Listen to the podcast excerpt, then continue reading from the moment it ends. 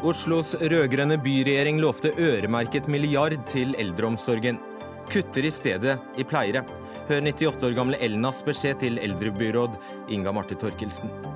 Nikolai Løvenskiold trekker seg som daglig leder i den skandalebefengte Westerdalsskolen.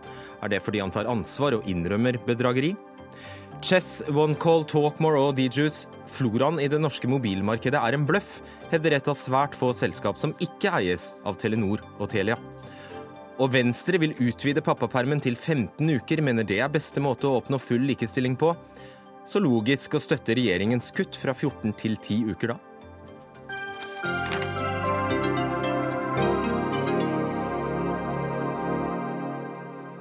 Riktig god kveld og velkommen til Dagsnytt 18. Jeg heter Fredrik Solvang. Jeg håper du tenker eh, jeg håper du tenker på hva du gjør med syke, gamle mennesker som har arbeidet et langt liv og nå skal fratas det de trenger mest. Det skriver 98 år gamle Elna Hansen i et brev til eldrebyrådet i Oslo, Inga Marte Torkelsen. Hansen er beboer på et av de private sykehjemmene som rammes hardt når det rød-grønne byrådet i hovedstaden, eller byregjeringen i hovedstaden, nå skal kutte med 50 millioner i sykehjemsetaten. Og Elna Hansen, vi skal eh, snakke med henne fordi hun er med på telefon og hører alt som blir sagt fra studio her. Men det er først etter at vi har latt politikerne slippe til. Og først ut da må jo bli da Enga Marte Torkelsen, eldrebyråd fra eh, SV i Oslo kommune. Du gikk altså til valg på å øremerke 1,25 milliarder kroner som du skulle ta fra en ny eiendomsskatt til eldreomsorgen. Og det første du gjør er altså å kutte i antall pleiere. Hvordan henger det sammen? Husk på at vi ikke har innført eiendomsskatt ennå, så vi overtok jo et budsjett som for øvrig også de andre partiene i bystyret har stemt for. Eh, som innebærer eh, egentlig en ulykksalig situasjon, og jeg skjønner godt at det kommer sterke reaksjoner på det som har stått i avisa i dag. Så har jeg lyst til samtidig å spille den ballen tilbake til Unicare, som eier Hovseterhjemmet. Eh, fordi vi har ikke sagt at de må kutte det antall stillinger som står i avisa i dag.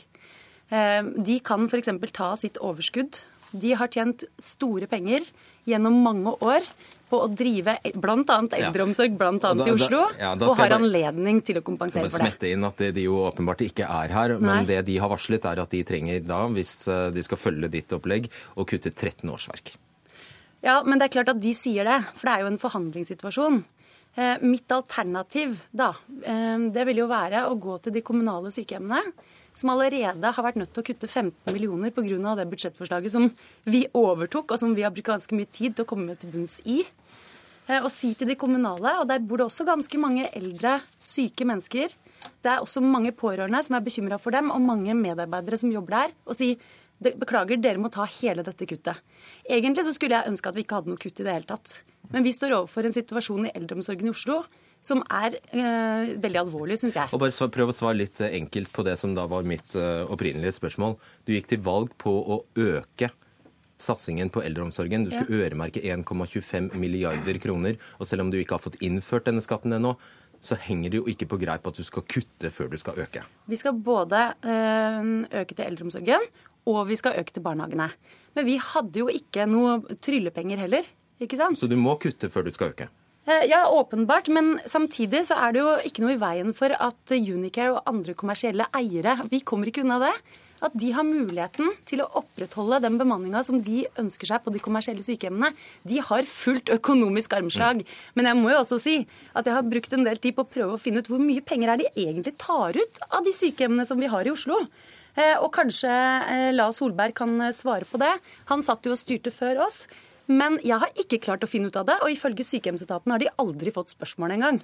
Ok, vi skal, vi skal, komme til det om det er snakk om eh, utbytte her og urettmessig eh, utbytte. Men eh, ja, La Solberg, Erik La Solberg, gruppeleder for Høyre og tidligere finansbyråd. Kan du veldig fort før vi, før vi, kommer til det, prøve å forklare hvordan har det oppstått, eller hvordan kunne du etterlate deg, snarere, et hull på 50 millioner kroner? Altså, Eldreomsorgen i Oslo er en ganske god eldreomsorg hvis man sammenligner med mange andre steder i Det Norge. vedkommer jo ikke saken. Eh, Nei, men poenget er at vi, vi, da vi la fram budsjettet, så la vi fram et budsjett som var et, omtrent et nullbudsjett for sykehjem, sykehjemsetaten.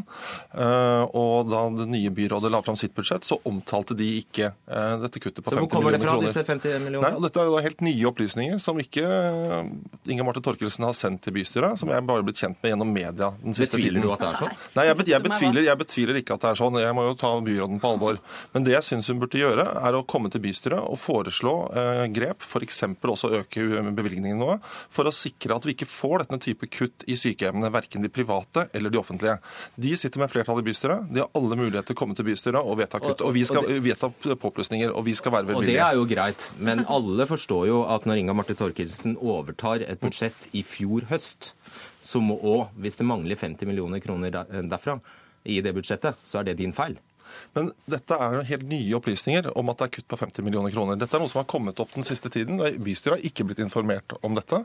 Eh, Men som sagt, hvis det mangler 50 millioner kroner på et budsjett, så er vi positive til å bevilge mer penger for å sikre god bemanning. Men det som er det mest forstemmende her, er at byrådet går, lar dette gå ut utover private, eh, Ja, vi- vi- private sykehjem. Jeg, jeg, jeg synes det er helt utrolig at det går an å ha så liten innsikt i hvordan budsjettet så ut når man gikk ut av disse kontorene etter 18 år.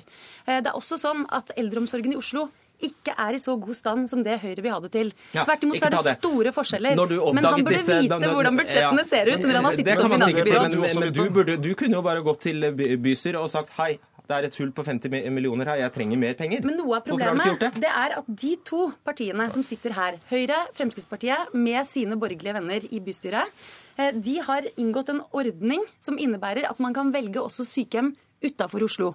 I direkte konkurranse med sykehjemsetatens budsjett i Oslo. Så for hvert menneske som velger seg ut av Oslo, som man jo kan forstå at man velger det framfor et nedsarva sykehjem som vi har noen av i Oslo, eh, så har det gått ut over budsjettene. Og da har sykehjemsetaten måttet kutte.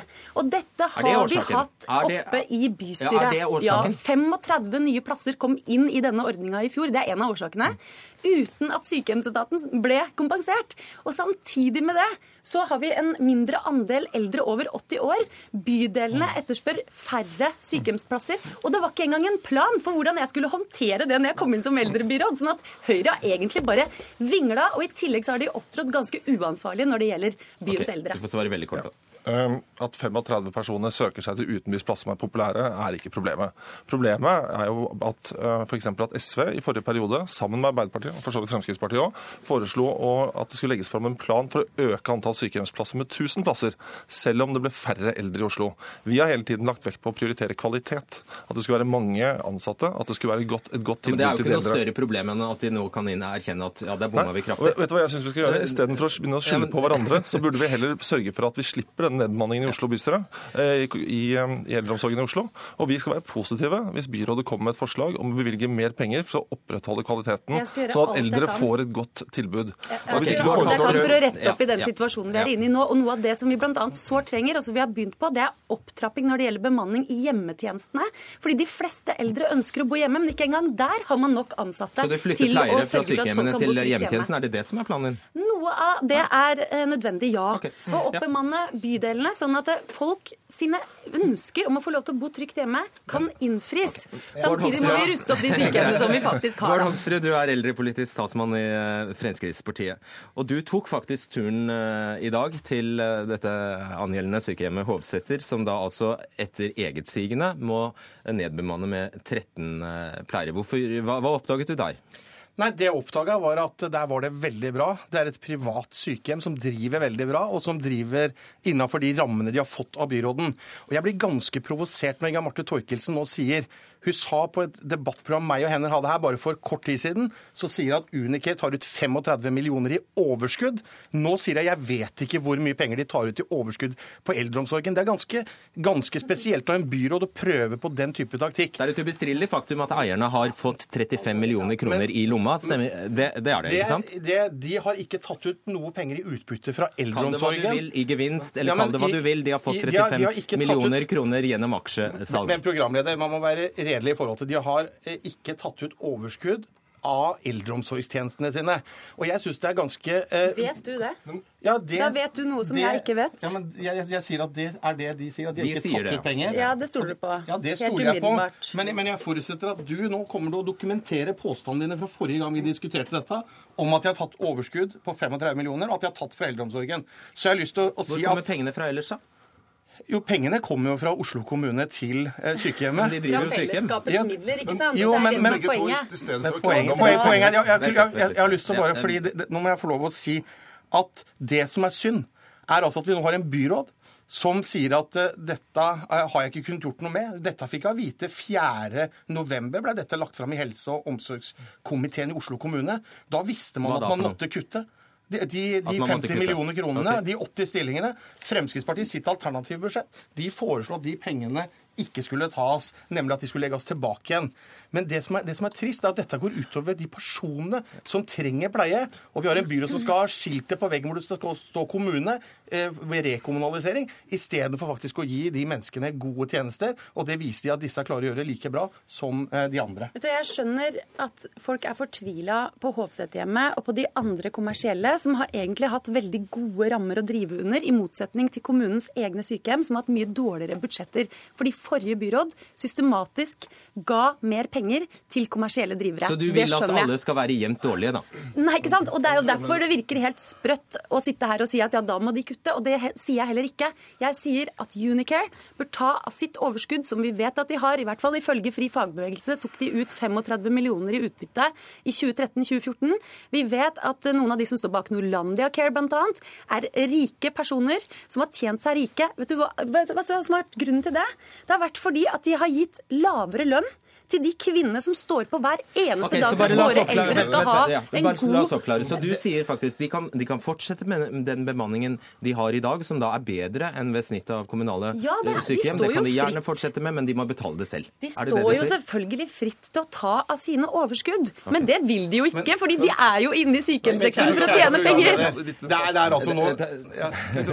Altså det, nå er mye, De driver og krangler om veldig mye om utbytte og andre ting. Men det det er sånn at er. Hovseterhjemmet drives jo eh, for kommunens del billigere enn gjennomsnittet av kommunens sykehjem. Likevel så er det der byråden mener at vi skal kutte. Og Det som egentlig er det mest opprørende her, er at byrådets og SVs og Arbeiderpartiets kamp mot private løsninger nå har gått så langt at de aktivt begynner å redusere tilbudet til de eldre i Oslo. Det er en ærlig sak at vi er uenige om du skal ha private drivere eller ikke, men det, nå har de tatt et skritt lenger, og det bekymrer meg, fordi de faktisk reduserer tilbudet til gamle mennesker, som kanskje er de mest sårbare menneskene vi har i denne byen. Hoksrud, og så skal du få avslutte. Okay. Jo, altså Poenget er altså at vi har nå en byråd som sier at du skal kutte 50 millioner kroner. Du har gitt sykehjemsetaten det ansvaret.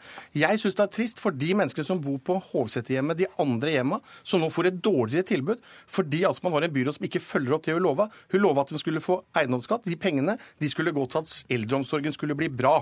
Nå blir det altså Du gråter for at eiendomsskatten ennå ikke er innført. Ja, men, men, jo, men, men poenget er at det ligger penger som skal komme inn i eiendomsskatt, som man kan bruke til dette. Og man kan selvfølgelig drive og, gjøre, og sørge for at dette fortsetter sånn som det er i dag. At man har de ansatte på plass, sånn at de, de som trenger det, får et godt tilbud. Innrøm i det minste at det er en elendig sak for en SV-byråd å starte jobben med å kutte i antall pleiere i eldreomsorgen. Ja, Innrøm det. og nettopp derfor så mener vi også at de kommersielle eierne de kan ta, de kan grave i sine overskudd som de har tjent ved bl.a.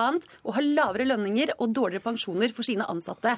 Så kan de Dette er sikre den kvaliteten. Og jeg er mener feil. Nei, det er helt Jo, det er sant. Det er helt sant. Og jeg har også lyst til å si at jeg mener at La Solberg bør være mann nok til å stå også for det budsjettet han la fram, og besøke de kommunale sykehjemmene i denne byen og si dere må ta hele dette kuttet som vi la fram. Eh, Selv om dere allerede har dårligere budsjetter, så må dere kutte ytterligere fordi vi skal skjerme de kommersielle. Og det, og det gjør vi. Poenget, poenget er at vi har prioritert sett. hvert eneste år da vi hadde flertall. Ja. Eldreomsorgen, de røde byrådet, har ikke det ble mer Det er klart det gjorde dere, altså. Men vi skal jammen meg klare å løfte det ytterligere. Nå er det Elna. Elna Hansen, du er altså beboer på Ja, nå får dere dommen. Du er beboer på Du er der? Ja. ja. Hei, du er altså beboer på dette mye omtalte Hovseterhjemmet, som altså drives av Unicare i Oslo. Og som eh, vi ser i Aftenposten i dag, så har du skrevet et brev hvor du spør Inga Marte Torkelsen hva hun tenker på. Hva, Ja. hva er det, hvorfor skrev du dette brevet? Jo, for jeg, når jeg leste det brevet, det var hun hadde skrevet i avisen, da står det det at det, det må uh, kutte uh, 13 årsverk. For, for, og da var hun så glad for hun skulle spare 5,9 millioner 50,9 millioner penger til, til eh, pensjonister. Det sto i avisen. Men kan du forstå at det kanskje er behov for å spare eller kutte? Nei, men da tenkte jeg at eh, de skal, som er syke, og her som folk trenger hjelp døgnet rundt, vi skal kutte. Men jeg regner med de som blir pensjonister, de er friske. Og de får gjerne den pensjonen de skal ha da. Så isteden så skal de altså kutte her 13 årsverk bare for at dem som skal ha pensjon om flere år, skal få de pengene. Altså jeg kan ikke skjønne at du i hele tatt har tenkt over hva jeg gjør med gamle folk. Elna Hansen, det er jo litt flere pleiere på Hovseterhjemmet enn det er på andre kommunale hjem. Merkes det? Ja, men de trenger det. Ja, merkes det? Nei, det- det merker jeg har vært her sånn hele tiden, syns jeg. Ja, så det er folk, og- jo, du kan tenke deg og så vet du hva jeg sa i dag, da, liksom at jeg trodde ikke det var så mange pasienter liksom sånn her. Men altså, den ene dagen dør en, neste dag er det en ny pasient. Mm. Ja, og nå har vi fått noe sånn med Parkinsons, ikke sant, og masse sånt som trenger hjelp hele tiden. Og hvem skal da overta og hjelpe dem, da? Godt spørsmål. Tusen takk skal du ha, Elna Hansen. ja. Takk for at du var med oss. Dette må du få svare for på, uh, Torkelsen. Nei, igjen så må jeg bare si at eh, jeg håper at Unicare og andre kommersielle eiere i Oslo graver i lommene sine. De har tjent mye penger over år gjennom å drive innenfor pleie og omsorg, og har muligheten til å gå inn med de ressursene som skal til. Jeg tror du hører at Elna ikke bryr seg så veldig mye om hvem som Ja, men driver Det skjønner jeg jo selvfølgelig at hun ikke gjør. Er Men eh, mitt ansvar strekker seg litt grann lenger. Og det er også sånn at vi nettopp har eh, hatt 8. mars, kvinnedagen. Da husker vi i hvert fall på at eh, det er noe som heter likelønn. Og jeg er opptatt av at vi skal gjøre kommunen attraktiv for ansatte. At vi skal behandle folk ordentlig, og at ikke man skal berike kommersielle eiere ved hjelp av lønn og pensjoner til de ansatte. Og dere får ikke si noe, fordi det var faktisk eh, to mot én her. Kanskje tre. ja, takk skal dere ha. Inga Marte Torkelsen, Eirik La Solberg, Bård Hoksrud, og takk også til Elna Hansen.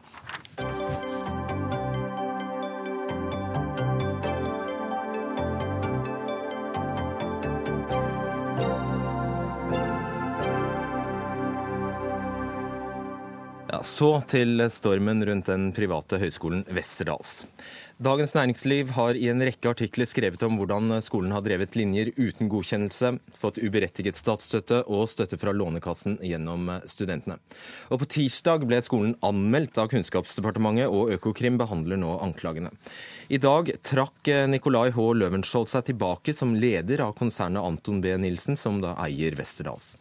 Og Nikolai Løvenskiold ville ikke komme til Dagsnytt 18 i kveld, men du er her, Trond Andresen. Du er kommunikasjonsdirektør for Anton B. Nilsen Utdanning AS. Hvorfor er det det beste for konsernet at Løvenskiold trekker seg nå? Jeg må først bare presisere at Nicolai Holl Løvenskiold ikke var konsernleder for Anton B. Nilsen AS, men for Anton B. Nilsen Utdanning AS. Han valgte å tre tilbake fra den stillingen fordi han mente at det er det beste for selskapet. Så lenge Økokrim nå er opptatt av en sak som knytter seg til forhold som ligger ganske langt tilbake i tid, men til en tid hvor han var daglig leder eh, ved den skolen dette angikk den gangen. Erkjenner han skyld? Dette er ikke noe snakk om skyld i det hele tatt. Dette er snakk om at vi skal kunne gjøre en ryddig jobb overfor eh, Økogrim.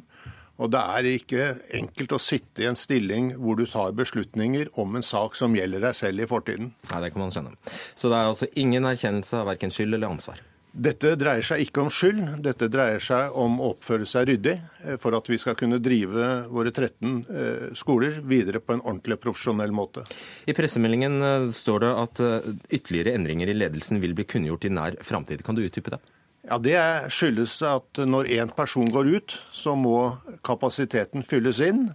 Vi har i dag eh, annonsert at den nåværende styrelederen i Anton B. Nilsen Utdanning tar rollen som arbeidende styreformann, men vi må også fylle på med ressurser for å ta vare på de operative oppgavene vi må ha. og må gjøre. Og eh, det kommer vi til å annonsere snart.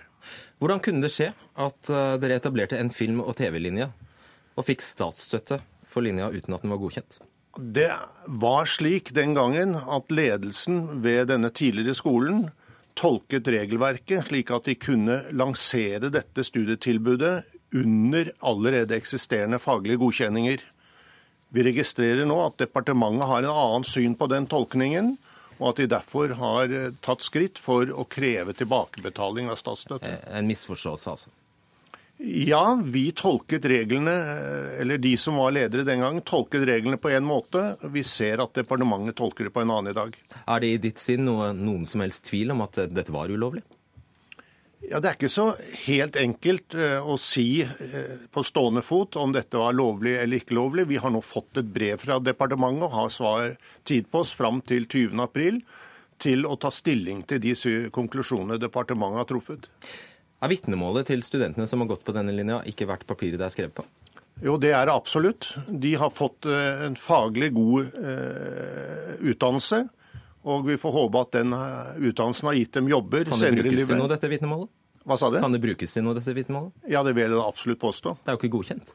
Faglig sett ble denne linjen lansert med fagplaner som studentene tok stilling til, og som de fikk undervisning etter. Eh, At i ettertid sies av departementet at det var Ja, Men elevene trodde vel feil. den var godkjent. Ja, det trodde de helt sikkert, og det trodde jo helt sikkert også ledelsen, som tolket reglene på den måten. Mm. Så har dere altså krevd elevene som gikk på den linja for nesten dobbelt så mye skolepenger som dere hadde lov til. Hvordan kunne det skje? Skolepengene eh, og skolepengesatsene som ble brukt, er en litt annen sak. Det er en sak som gjelder alle linjer og alle tilbud ved denne tidligere Westerdals eh, School of Communication. Der eh, ble det tilbudt studier til en kostnad som ga en pris som var høyere enn det som var normalsatsen, og det skulle det vært søkt dispensasjon for. Mm. Hvordan ble ikke det gjort. Nei, det var fordi man, eh, som sagt, tilbød studentene en, et eh, studie med et innhold som var er en kostnad. Den gangen var det ikke helt tindrende klart når dette begynte, hvor disse grensene lå, men de ble jo innført og revidert gjennom forskjellige lovregimer gjennom en periode på ti år. Og så det det er en misforståelse, er det det du sier? ja, vi tilpasset oss ikke, og søkte ikke om de dispensasjonene vi skulle, og det beklager vi i ettertid. Hvordan kunne det skje at eh, Eller hva skjer med disse pengene? 70 millioner som nå skal tilbakebetales? Ja, studenter har henvendt seg nå til den nåværende skolen og eh, fremmet krav om tilbakebetaling. De kravene må jo skolen først få en oversikt over, og så må de ta standpunkt til hvordan de Det skal er vel bare å håndtere det. betale tilbake? Nei, det kan ikke bare betales tilbake, fordi det i øyeblikket er en veldig blandet mengde av studenter med ulike krav. Og det er jo også ikke helt eh, absolutt tindrende klart at det finnes et juridisk grunnlag for å kunne tilbakebetale disse midlene. Så du er, sitter her og sier at du er ikke sikker på om studentene har betalt for mye? De har betalt det eh, de betalte den gangen, også om de visste at de skulle betale når de tok utdannelsen. Om de i ettertid har krav på tilbakebetaling, det må tiden vise. Kommer de til å få pengene sine? Det kan jeg ikke si noe om i dag. Det er vel etisk riktig å gjøre, kanskje? Etikken i dette er litt annerledes enn jussen, men vi må forholde oss til helheten. Hva skjer med de feite lånene studentene har tatt for å finansiere disse dyre studiene? De lånene de har tatt, er de jo tatt personlig, og vi har ikke noe, for, noe forhold til og spiller ikke noen part i deres forhold til Lånekassen. Hva med etikken i det? Ja, Det er slik at de visste hvilket studie de ble tilbudt, og de betalte for det, og de fikk det studiet. Men betingelsene var vel ikke akkurat helt som studentene trodde?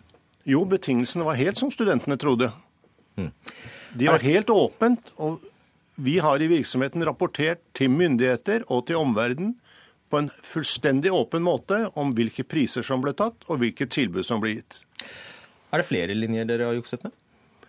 Nei, som sagt, når det gjelder studiepenger, så gjaldt det alle tilbud ved Ja, nå snakker, jeg studie, nå snakker jeg ikke om studiepenger, nå snakker jeg om dere har fått urettmessig statsstøtte for flere linjer. Vi, eller rettere sagt skolen, den nåværende skolen og ledelsen har selv rapportert til Kunnskapsdepartementet at de har funnet det samme forholdet som ved film og TV gjeldende for to andre studietilbud. Hvordan kunne det skje? At de fant det ut, eller at Nei, hvordan kunne det skje at man urettmessig har eh, Det var akkurat den samme to- grunnen. Det ble innført under det samme regimet, den samme tolkningen, at dette, kunne, eh, dette var påbygningsår som kunne tilbys innenfor de godkjenninger som forelå. Ble det søkt om godkjenning for disse to studiene du snakker om? Det ble søkt i eh, 2000 og eh, Nå må jeg tenke meg litt om. Jeg skal hjelpe I 2006-2007. Og eh, disse søknadene tok det jo veldig lang tid å behandle, 14 måneder. Senere fikk eh, skolen et avslag, så anket de det avslaget, og det fikk skolen aldri noe svar på. Og i den perioden fortsatte den praksisen med å tilby dette studiet. La meg oversette det. I stedet for å vente på et svar, eller egentlig etter, eller egentlig etter å ha fått avvist søknaden, så fortsetter altså eh, skolen den praksisen den hadde, ved å innrullere elevene på et helt annet studium enn det de faktisk hadde tegnet seg til. Nei, det er ikke helt presist. De studentene som eh, fikk et tilbud, de fikk La meg være helt presis. Elevene ved scenografi og event, som er et påbygningsår til Art Direction-studiet, de ble innrullert eller rapportert inn som om eh, de var Art Direction-elever. Stemmer det? Ja, Men det ligger jo i den tolkningen som jeg nettopp nevnte. At den påbygningen mente den daværende ledelsen at de kunne tilby innenfor den faglige godkjenningen for Art Direction-studiet. Men det er jo det som utgjør jukset. Ja, dere sier at det er et juks, hører jeg. Det er ulovlig statsstøtte. Departementet har ikke tatt stilling til den saken enda. Mm. Men når det gjelder som sagt film- og TV-tilbudet, så har vi fått en beskjed fra departementet om hvordan de tolker det. Og vi har Og da gjelder det vel det samme for de to andre linjene, der samme modus er brukt. Det vil vi tro. Ja, nettopp. Og vi har selv varslet departementet om de to andre tilfellene. Nettopp. Stemmer det eller stemmer det ikke at eierne av Westerdals satt igjen med en gevinst på om lag 100 millioner kroner etter fusjonen mellom tre privatskoler? Ja eller nei? Nei. Eierne satt ikke igjen med en gevinst som de tok ut av systemet. Det som oppsto, var jo en gevinst, en regnskapsmessig gevinst som lå i det skoleeiende selskapet eh, Anton B. Nilsen skoledrift, og den har aldri vært tatt ut derfra. Hvem har fått de om lag 100 millionene? Ingen har fått de. De ligger og har alltid ligget i systemet, og nå er de ført tilbake som egenkapital i Westerdals Oslo Act. Og aller helt til slutt, det var jo en gang veldig kult å gå på Westerdals. Det håper jeg på- det fortsatt er. Har du tenkt på hva dette har gjort med renommeet til denne skolen? Det er åpenbart at eh, omdømmet er skadet. Og den nåværende ledelsen, støttet av eieren, gjør jo alt de kan for å bygge opp igjen dette omdømmet, slik at det fortsatt skal være kult å gå på Østerdals. Takk skal du ha. Trond Andresen, kommunikasjonsdirektør i Anton B. Nilsen Utdanning AS.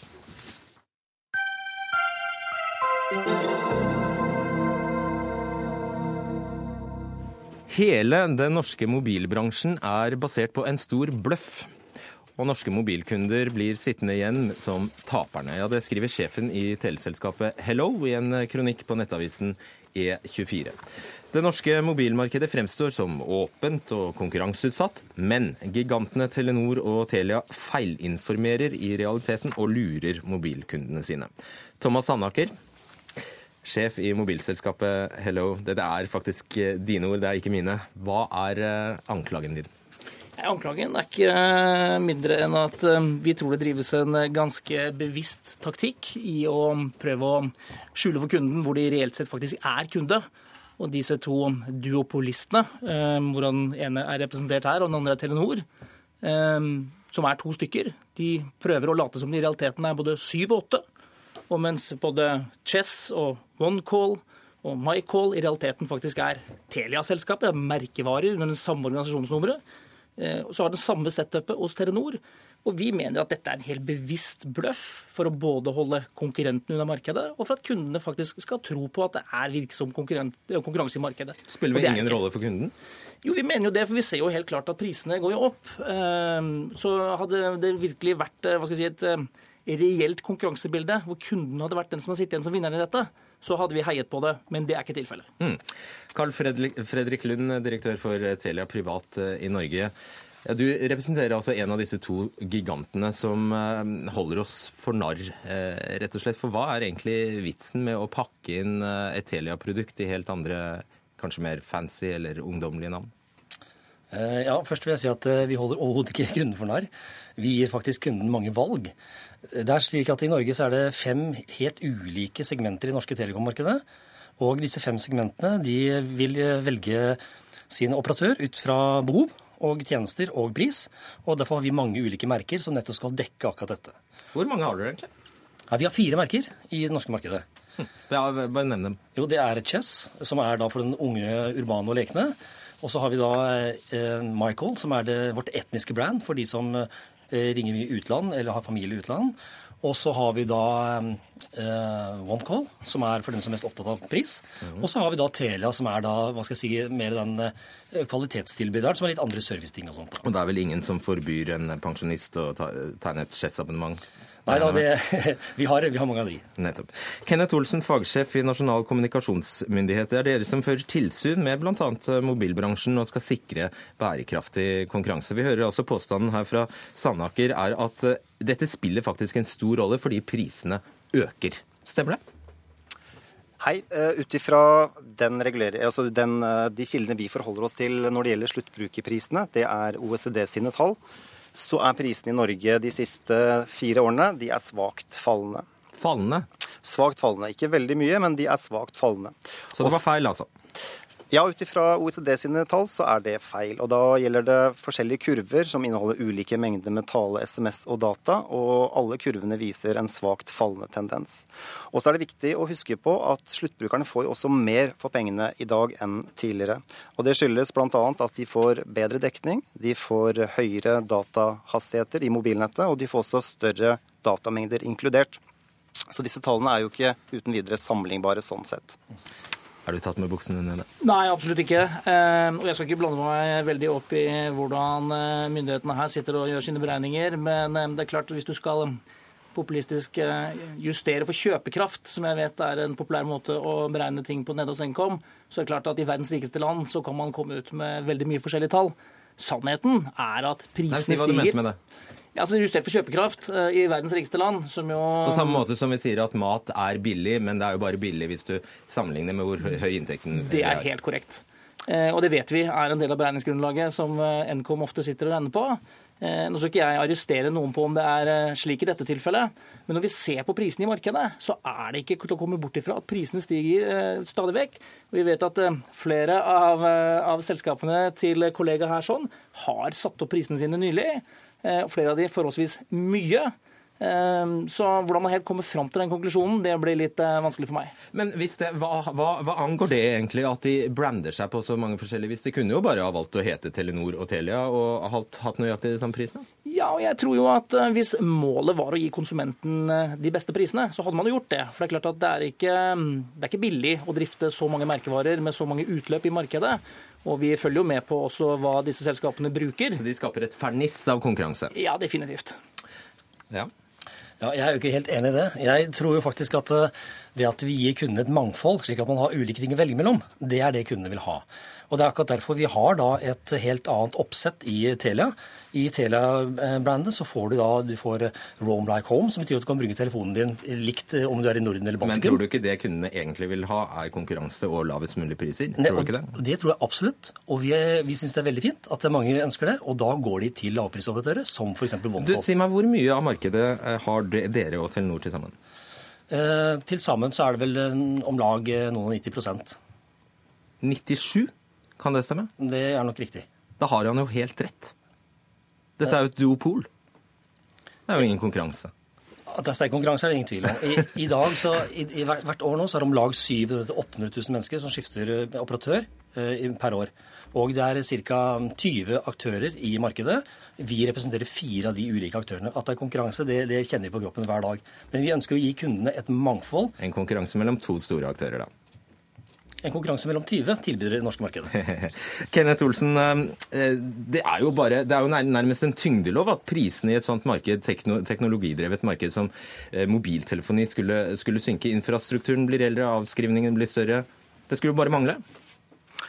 Ja, det kan du si. Samtidig så er det jo sånn at det gjøres jo stadig nye investeringer i mobilnettet, og det er nødvendig for å tilby ny teknologi, høyere hastigheter osv. Eh, og det bygges jo også dekning i større grad enn tidligere. Og Telia er der, og de har jo et dekningsløft, som de kaller det, for å kunne konkurrere bedre med Telenor, som tidligere har hatt, eh, vært kjent for å ha best dekning.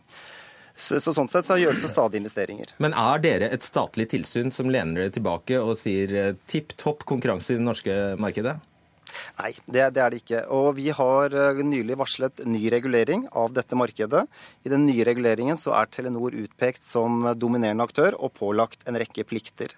Det er Telenor per i dag også, men i den nye reguleringen så utvider vi omfanget og bl.a. inkluderer tilbydere som Hello som, eh, som, ikke har vært inkludert eh, så langt. Og vi har også en streng... Hva slags plikter? Du må forklare. Altså det går bl.a. på ikke-diskriminering og prisregulering. Det er to sentrale plikter. Eh, Telenor, Vi sammenligner da prisene som Telenor tar i sluttbrukermarkedet med hva de tilbyr i grossistmarkedet. Og så skal det være sånn at det skal være en rimelig margin imellom de to prisene. Så det innebærer uh! ja, det, det, betyr da, det betyr i praksis, for å si det litt enkelt, det, det betyr at de som kjøper leier tilgang hos Telenor, skal kunne konkurrere mot Telenor. Okay. Både hva gjelder pris og hva gjelder kvalitet. Og du er i en sånn situasjon, Sandaker? Jeg forsøker i hvert fall så godt jeg kan. Ja, for og du må vi... leie nettet av Telenor? Altså, det er det som er saken. Du, leie, du er prisgitt Telenor? Jeg er eh, prisgitt enten Telenor eller eh, arbeidsgiveren til kollega her sånn. Og enn så lenge så tror vi i hvert fall en aktør som Telenor, som i hvert fall er regulert av en myndighet, gir oss i hvert fall forutsigbarhet i det leieforholdet. Men eh, om det er en veldig god løsning, vel. Det, vi håper og tror at Nkom kanskje kommer noe, med noe spennende. Få bygge ut eget nett, da? Ja, det kanskje er en mulighet. Er det, har, det, er jo noen som har gjort det. Ice er på god vei, og vi applauderer absolutt den satsingen de gjør. Og vi håper de lykkes. Ehm, det er vi helt avhengig av, tror jeg, for at dette skal bli et virksomt marked også men, i fremtiden. Men sliter bitte litt med å forstå hva du egentlig vil fram til. fordi det at det har eh, utviklet seg et duopol i Norge, er jo bare et resultat av fri markedskonkurranse.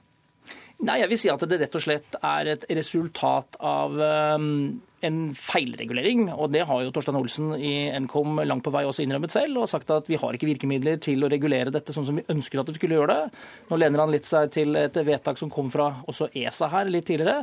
Og Vi håper og tror nå at det vil bli konkurranse på like vilkår. Og det er klart at I et marked som ender opp med å ha nærmere 98 eh, hvor duopolet kontrollerer det, det er ikke god konkurranse. Ja, Olsen, svar kort på det.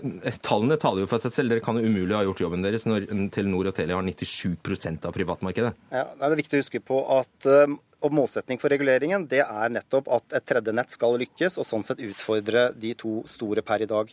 Der er vi godt på vei, og der var vi godt på vei. Så er det jo sånn at eh, Telia har kjøpt opp uh, OneCall og Tele2-sfæren og de selskapene. Og sånn sett da er det noe som reflekteres av de markedsandelstallene som du, som du viser til. Og det kunne man vel satt en stopper for? Det kunne ikke vi gjort. Det er konkurranse, Konkurransetilsynet har vurdert det og har krevet en del tiltak fra Telia for, at, for å godkjenne oppkjøpet.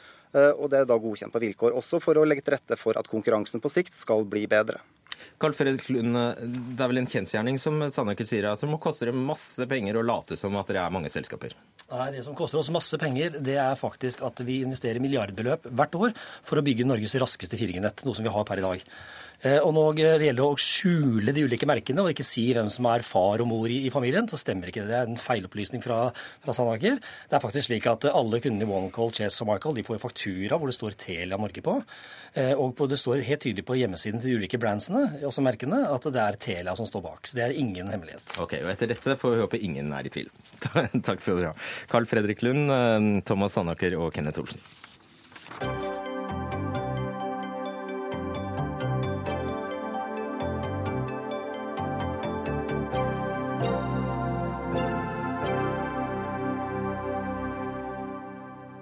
Nå skal vi snakke om noe ganske spesielt, nesten litt sånn eh, science fiction-aktig. nemlig verdens første kroppstransplantasjon. Vårt Land skrev i går om Valeri Spiridonov, som, neste, som til neste år trolig får ny kropp.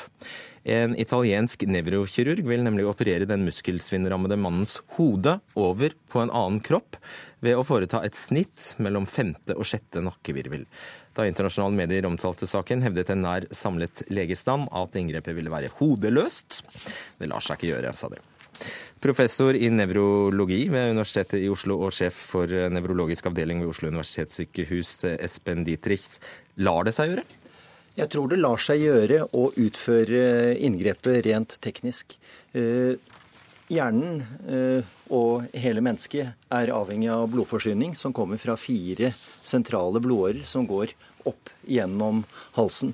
Og det går nok an å kappe av hodet og sy det på en kropp med et fungerende hjerte, og koble til disse fire blodårene, sånn at hjernen får tilstrekkelig blodforsyning til å overleve. Kan man bruke Men, den kroppen til noe? Nei. Det er akkurat det som er problemet. Kroppen kan ikke brukes til noen ting. Så du kobler egentlig hodet ditt til en ny og fullstendig død, lam, følelsesløs kropp. Og, eh, Hvorfor nøkkelen... gjør de det da?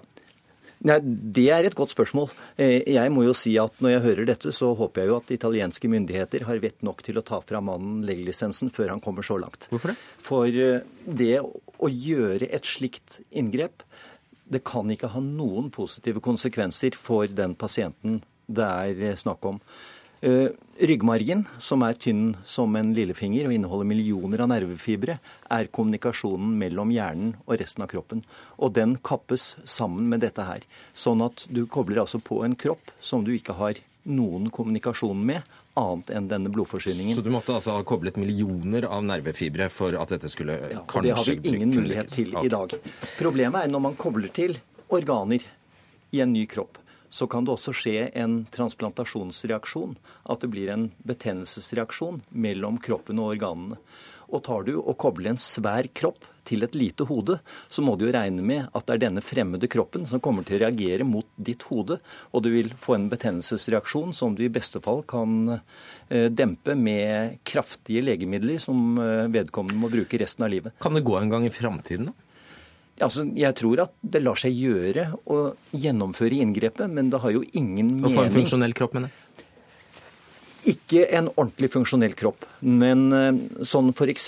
med pasienter med ryggmargskader som har eh, tverrsnittslesjoner, som vi kaller det, hvor eh, ryggmargen er kuttet helt av, så driver man nå med forsøk for å prøve å gjenvinne noe funksjon med enten å få protesemekanismer eller andre måter å overføre signaler til kroppen. Okay. Professor i religionsvitenskap ved Universitetet i Bergen, Dag Øystein Ensjø. Hva gjør et menneske til et menneske? Kroppen eller hodet? Dette er jo det som har vært uh, forskjellig fra tid til tid. Altså Opprinnelig, ser man på kristendom, ser man på gresk religion, ser man på egyptisk religion, så var det at hele kroppen og sjelen er liksom en helhet.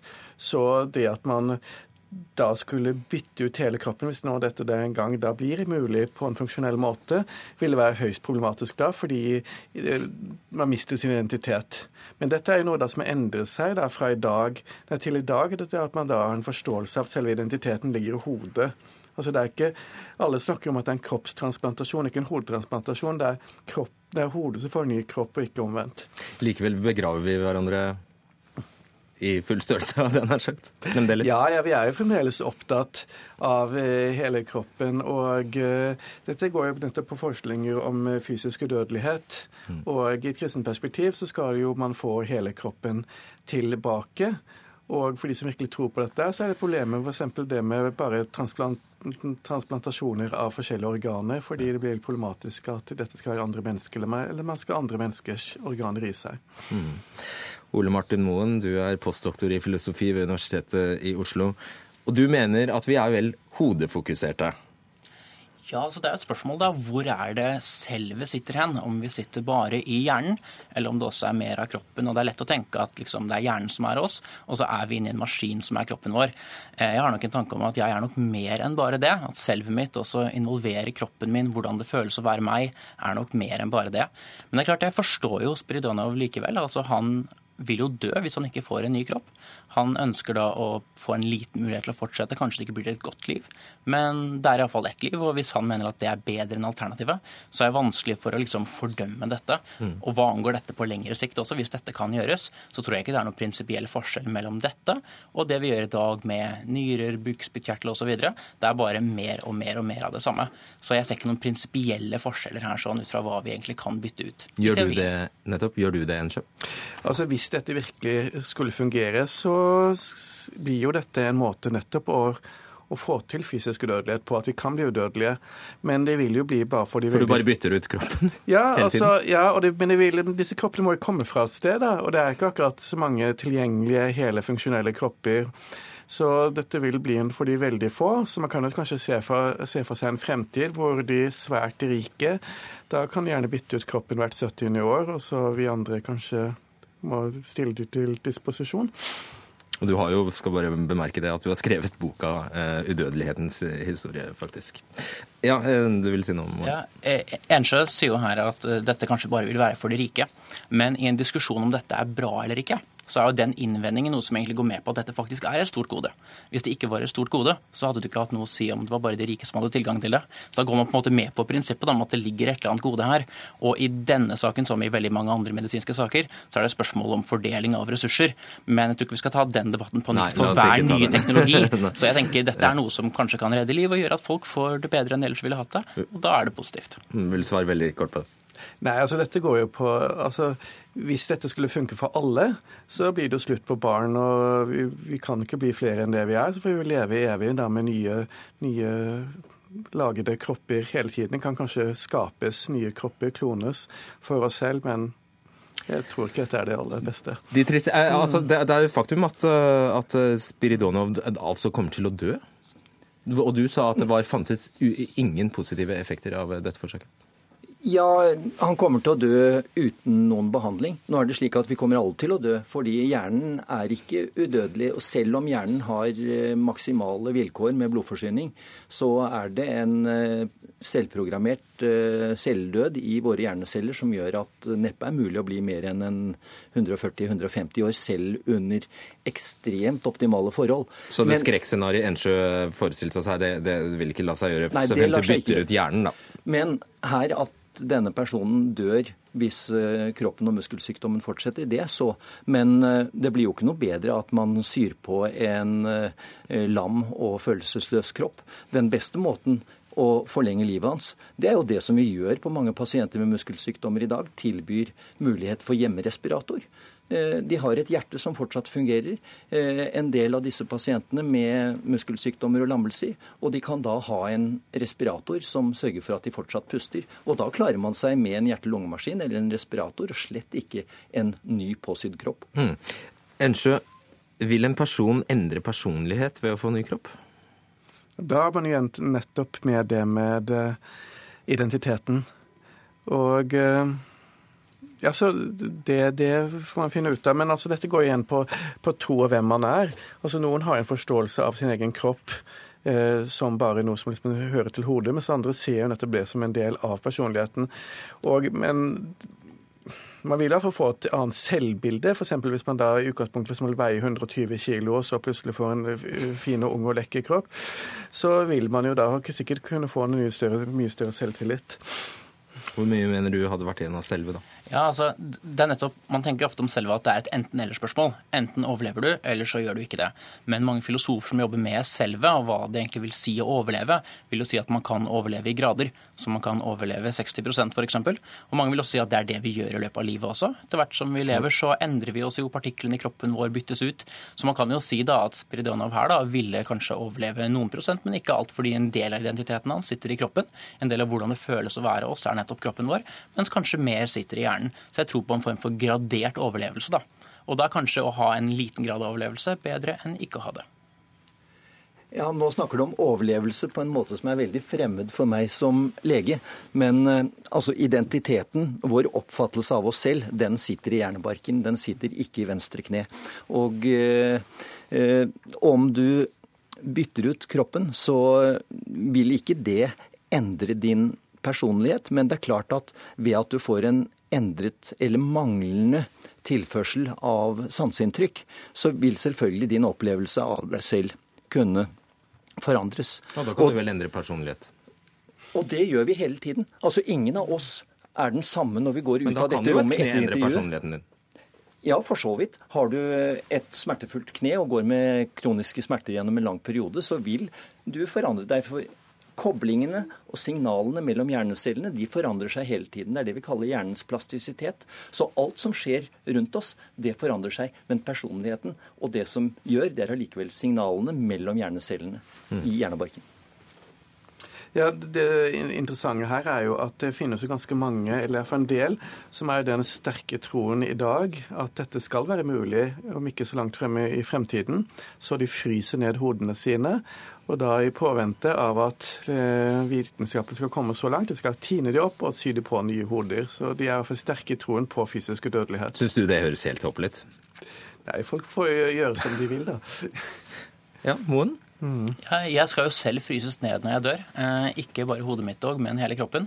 Og det bygger ikke på en sånn enorm optimisme om at dette nødvendigvis vil fungere, men det er en liten sjanse for det. Vi vet at biologisk materiale kan tåle frysing. Vi vet at de kan preserveres ganske godt. Og da tenker jeg at en liten sannsynlighet for å kunne leve videre er bedre enn ingen sannsynlighet. Og alternativet her er jo kremasjon eller begravelse. Det fungerer i alle fall ikke. Mens nedfrysning, altså cryonics som det heter, kan gi en liten sjanse. Og en liten sjanse er bedre enn ingen. Du får avslutte. Problemet med nedfrysning, sånn som det praktiseres i USA i dag, er jo at man fryser ned etter at man er død. Hvis man foretok nedfrysningen av levende mennesker, så kan det hende at man kunne tine opp med fremtidige teknikker. Men å fryses ned etter at du er død, og dødsbegrepet er definert i Norge som at hjernen er totalt og uopphørlig ødelagt, og da har du ikke lenger Det noe var ikke det du hadde tenkt, Moen, håper jeg? Men uopphørligheten kommer an på hvilke teknologier man har, og man gjør dette umiddelbart etter man er død. Men det beste hadde jo vært å kunne kombinere dette f.eks. med eutanasi, slik at man kan sette dette i gang mens man fortsatt er i live. Vi lar den henge i lufta. Takk skal dere ha. Ole Martin Moen, Espen Dietrich og Dag Øystein Ensjø.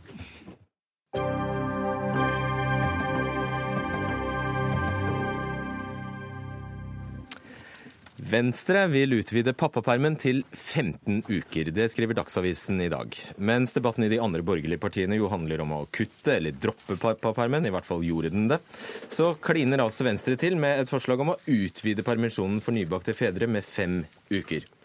Og dette til tross for at dere ganske så nylig gikk inn for å redusere pappapermen fra 14 til 10 uker i regjeringsforhandlingene. Abid Raja, stortingsrepresentant for Venstre. Vingle Venstre. Ja, men Det var ikke helt presist. Altså det å si at vi gikk inn for å redusere det fra 14 på, altså, ja, ja, Det er en annen måte å formulere det på. Ja. Men vårt, vårt utgangspunkt var at vi ville øke og forsterke fedrekvoten. Du gjorde en litt Så dårlig det forhandlingsjobb, eh, da, hvis det var det du ville. Ja, altså Du kan jo si at eh, vi med våre 5% var faktisk med på å berge at det ble en eh, fedrekvote. eh, For de to partiene som vi forhandlet med, Høyre og Fremskrittspartiet, de ville jo fjerne fedrekvoten helt ut, hvis man husker den debatten. Ja, og Det visste Og du veldig, en- veldig godt før valget også. Ja, det visste man. Så må man si at i en sånn samarbeidsavtale med våre 5% så skal man klare å forhandle frem det best mulige resultatet. Og på veldig mange andre områder så klarte vi å forhandle frem veldig mange gode resultat. Akkurat på dette området så klarte vi ikke mer enn de ti ukene. Vi skulle gjerne sett at det var mer. eh, Og det vi nå sier er at eh, dette skal vi ha selvfølgelig en ny kamp på når den muligheten dukker opp. Men Venstres eh, debatt går oss imellom på er hvor høy den fedrekvoten skal være. Og det den komiteen som jeg har ledet kommer til å foreslå for landsmøtet å vedta, er at vi skal tredele eh, permisjonen. Altså at mor får én del, far får én del, og så blir det én del til fri fordeling mellom foreldrene. Og bare fordel ukene, da. Ja, altså det, eh, det nærmeste uketallet jeg da falt ned på, var da 15 uker til far, 15 til mor og 16 til fri fordeling. Det er, eh, det er slik det blir en, eh, en, en, tre, en, tredeling på dette. Og det er jo fordi at far trenger å være sammen med barnet, og vi trenger å gi far gode argumenter overfor sin arbeidsgiver. Og ikke minst har vi sett at de argumentene som Høyre brukte før valget, om at fjerner du fedrekvoten, så vil far ta mer permisjon enn den kvoten tilsier, mens tallene nå viser at far faktisk kun tar de ukene som loven skriver for han. Og det kjente vi jo til fra før, advarte både vi og andre mot, men dette lyttet ikke regjeringspartiene til. Men forhåpentligvis har de kommet på bedre tanker nå, og det har vi sett bl.a. med Henrik Asheim denne uken, som har snudd sjøl i spørsmålet. Så først redusere, og så øke. Leder i SV, Audun Lysbakken. Dere mener jo eh, Abid Raja Dere er jo i sak ganske enige med Abid Raja, men likevel kaller du han litt frekk? Altså, jeg syns dette, uh, dette, er et friskt uh, utspill å komme med. La meg jo bare understreke det at jeg applauderer forslaget. Jeg syns forslaget er godt, og Abid Raja har i dag argumentert strålende for hvorfor det er fornuftig politikk. Men, men klart at Venstre har et jeg vil si, ganske enormt troverdighetsproblem. Fordi eh, det eh, som på en måte presenteres som en ny idé på forsiden av Dagsavisen i dag, er jo i realiteten akkurat den samme tredelingen som Abid Raja sjøl har vært med på å avskaffe, eh, og som vi innførte under den rød-grønne regjeringen. Riktignok da med en fordeling på 14 uker til mor og far og 18 til fri fordeling, eh, men altså i praksis akkurat det samme. Det hadde vi fram til høsten 2013, og da var Venstre med på å avskaffe det. Og jeg vil jo si at med utgangspunkt i det så består troverdighetsproblemet. For så lenge Venstre peker på Høyre og Fremskrittspartiet i spørsmål om hvem som skal styre landet, så er det helt åpenbart at dette får Abid dessverre aldri til. Eh, den eneste måten han kan få det til på, er jo i samarbeid med de partiene som er for det, nemlig SV og Arbeiderpartiet. Fått en forside i Dagsavisen, men det blir ikke noe pappaperm av det. Altså, det, jeg blir, synes det blir veldig lettvint retorikk her. Altså, Partiene må få lov til å uttrykke sine primærstandpunkt, og vårt primærstandpunkt er dette. Og vi må huske at Med våre 5% så var det mange som sa at det ville være helt usannsynlig å verne Lofoten, Vesterålen og Senja. Det klarte vi. Og så må man i en forhandlingssituasjon få mye på den ene siden, og så må man gi på den andre. Så du her... sier at denne saken betyr like mye for Venstre som Lofoten og Vesterålen? Det går ikke an å sette opp slike saker opp mot hverandre. Det er en veldig tabloid måte å gjøre det på, programleder. Men, men, og det er heller ikke slik at uh, vi har ikke forhandla pappapermen ned ned. Vi ville gjerne at den skulle beholdes og at den skulle utvides. Og I denne komiteen som jeg ledet, så vil vi også foreslå Hvis det var like viktig som Lofoten og Vesterålen, så hadde dere vel ikke forhandlet den? Det er slik at de, og det tror jeg også min eh, kompanjong på siden her vet at i en, eh, i en mindre parti, som vi begge to representerer, i en forhandlingssituasjon med store partier, som vi begge har støttet på et eller annet vis, så må man gi veldig mye eh, fra sin politikk også. Ja. Men, Men vi, et litt annet, litt annet mm. spørsmål. Mm. Så du sier at det beste for barnet, det beste for foreldrene, er en tredeling, fordi det er best for likestillingen i landet. Du, ikke, Hvis det er likestillingen som er ditt hovedanliggende, så skulle du jo delt den i to?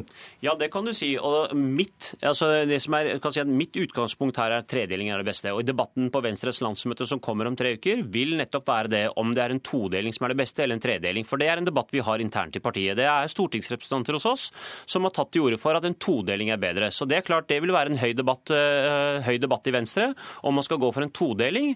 Uh, men mitt utgangspunkt og, og min innstilling for landsmøtet vil være at en tredeling skaper både modernitet og muligheter for far å være sammen med barnet, samtidig som vi har en nok fleksibilitet innad i familien. Men det er klart det er en debatt i Venstre om vi skal dra det i enda sterkere retning av en todeling. Selv ikke dere i SV er så tøffe? Nei, altså, Det kan godt hende vi å få den debatten, men det vi gikk til valg på sist, var å beholde det som da var systemet. En tredeling med 14, 18 og 14. Og Grunnen til det er at folk lever forskjellige liv. Jeg tror det er lurt med en viss fleksibilitet i det systemet. Og så er det jo også sånn at vi i de årene SV satt i regjering, utvidet pappapermen veldig fort. Det var fem uker når vi tok over i 2005. Det var 14 uker når vi gikk av i 2013. Og jeg tror at vi ennå ikke har sett de fulle resultatene av det. Mitt utgangspunkt er at permisjonen er, bør deles på den måten fordi det er bra for barna eh, å være sammen med begge foreldrene. Hvordan kan nestor og fødselslege ammeguru Gro Nylander si det motsatte, da? Nei, det, altså, Gro Nylander er en utrolig eh, bra dame som mener mye fornuftig, men i spørsmålet om permisjon mener jeg at hun tar feil. Jeg har hatt mange debatter med Gro Nylander om det. Eh, men jeg tror at eh, det mest fornuftige første steget ville være å gjeninnføre den rød-grønne ordningen.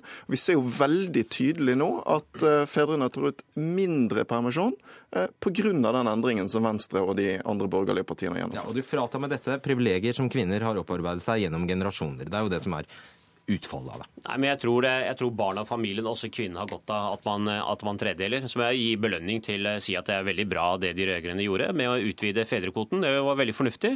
Jeg kan også bare legge til at et annet ting som vi tar tak i, er jo tvillingforeldresituasjonen. At vi vil doble eh, permtiden for tvillingforeldre. Det er en veldig sjokkartet opplevelse for mange å plutselig bli tvillingforeldre eller få enda mer barn samtidig enn det. Ja, det vet du. Eh, ja, det vet jeg. Jeg har tvillinger sjøl, og for ti år siden, så det var en sjokkartet ja. opplevelse. Så her går vi inn og rett og slett dobler tiden slik at mor får den største avlastningen mulig i den eh, fasen det er i å komme hjem med to barn Altså, samtidig. der er det kanskje enig. Altså, så det kan jeg jo glede Abid med at det allerede ligger inne et forslag fra SV i Stortinget om økte permisjonsrettigheter for flerlingfamilier. Så det kan, du, det, kan du, det kan du få stemme for allerede denne våren. Ah, okay. Takk skal dere ha, Abid Raja og Audun Lysbakken. Denne sendingen er over. Det var Ida Tune Øresland som var ansvarlig, teknisk ansvarlig Finn Lie, og jeg heter Fredrik Solvang.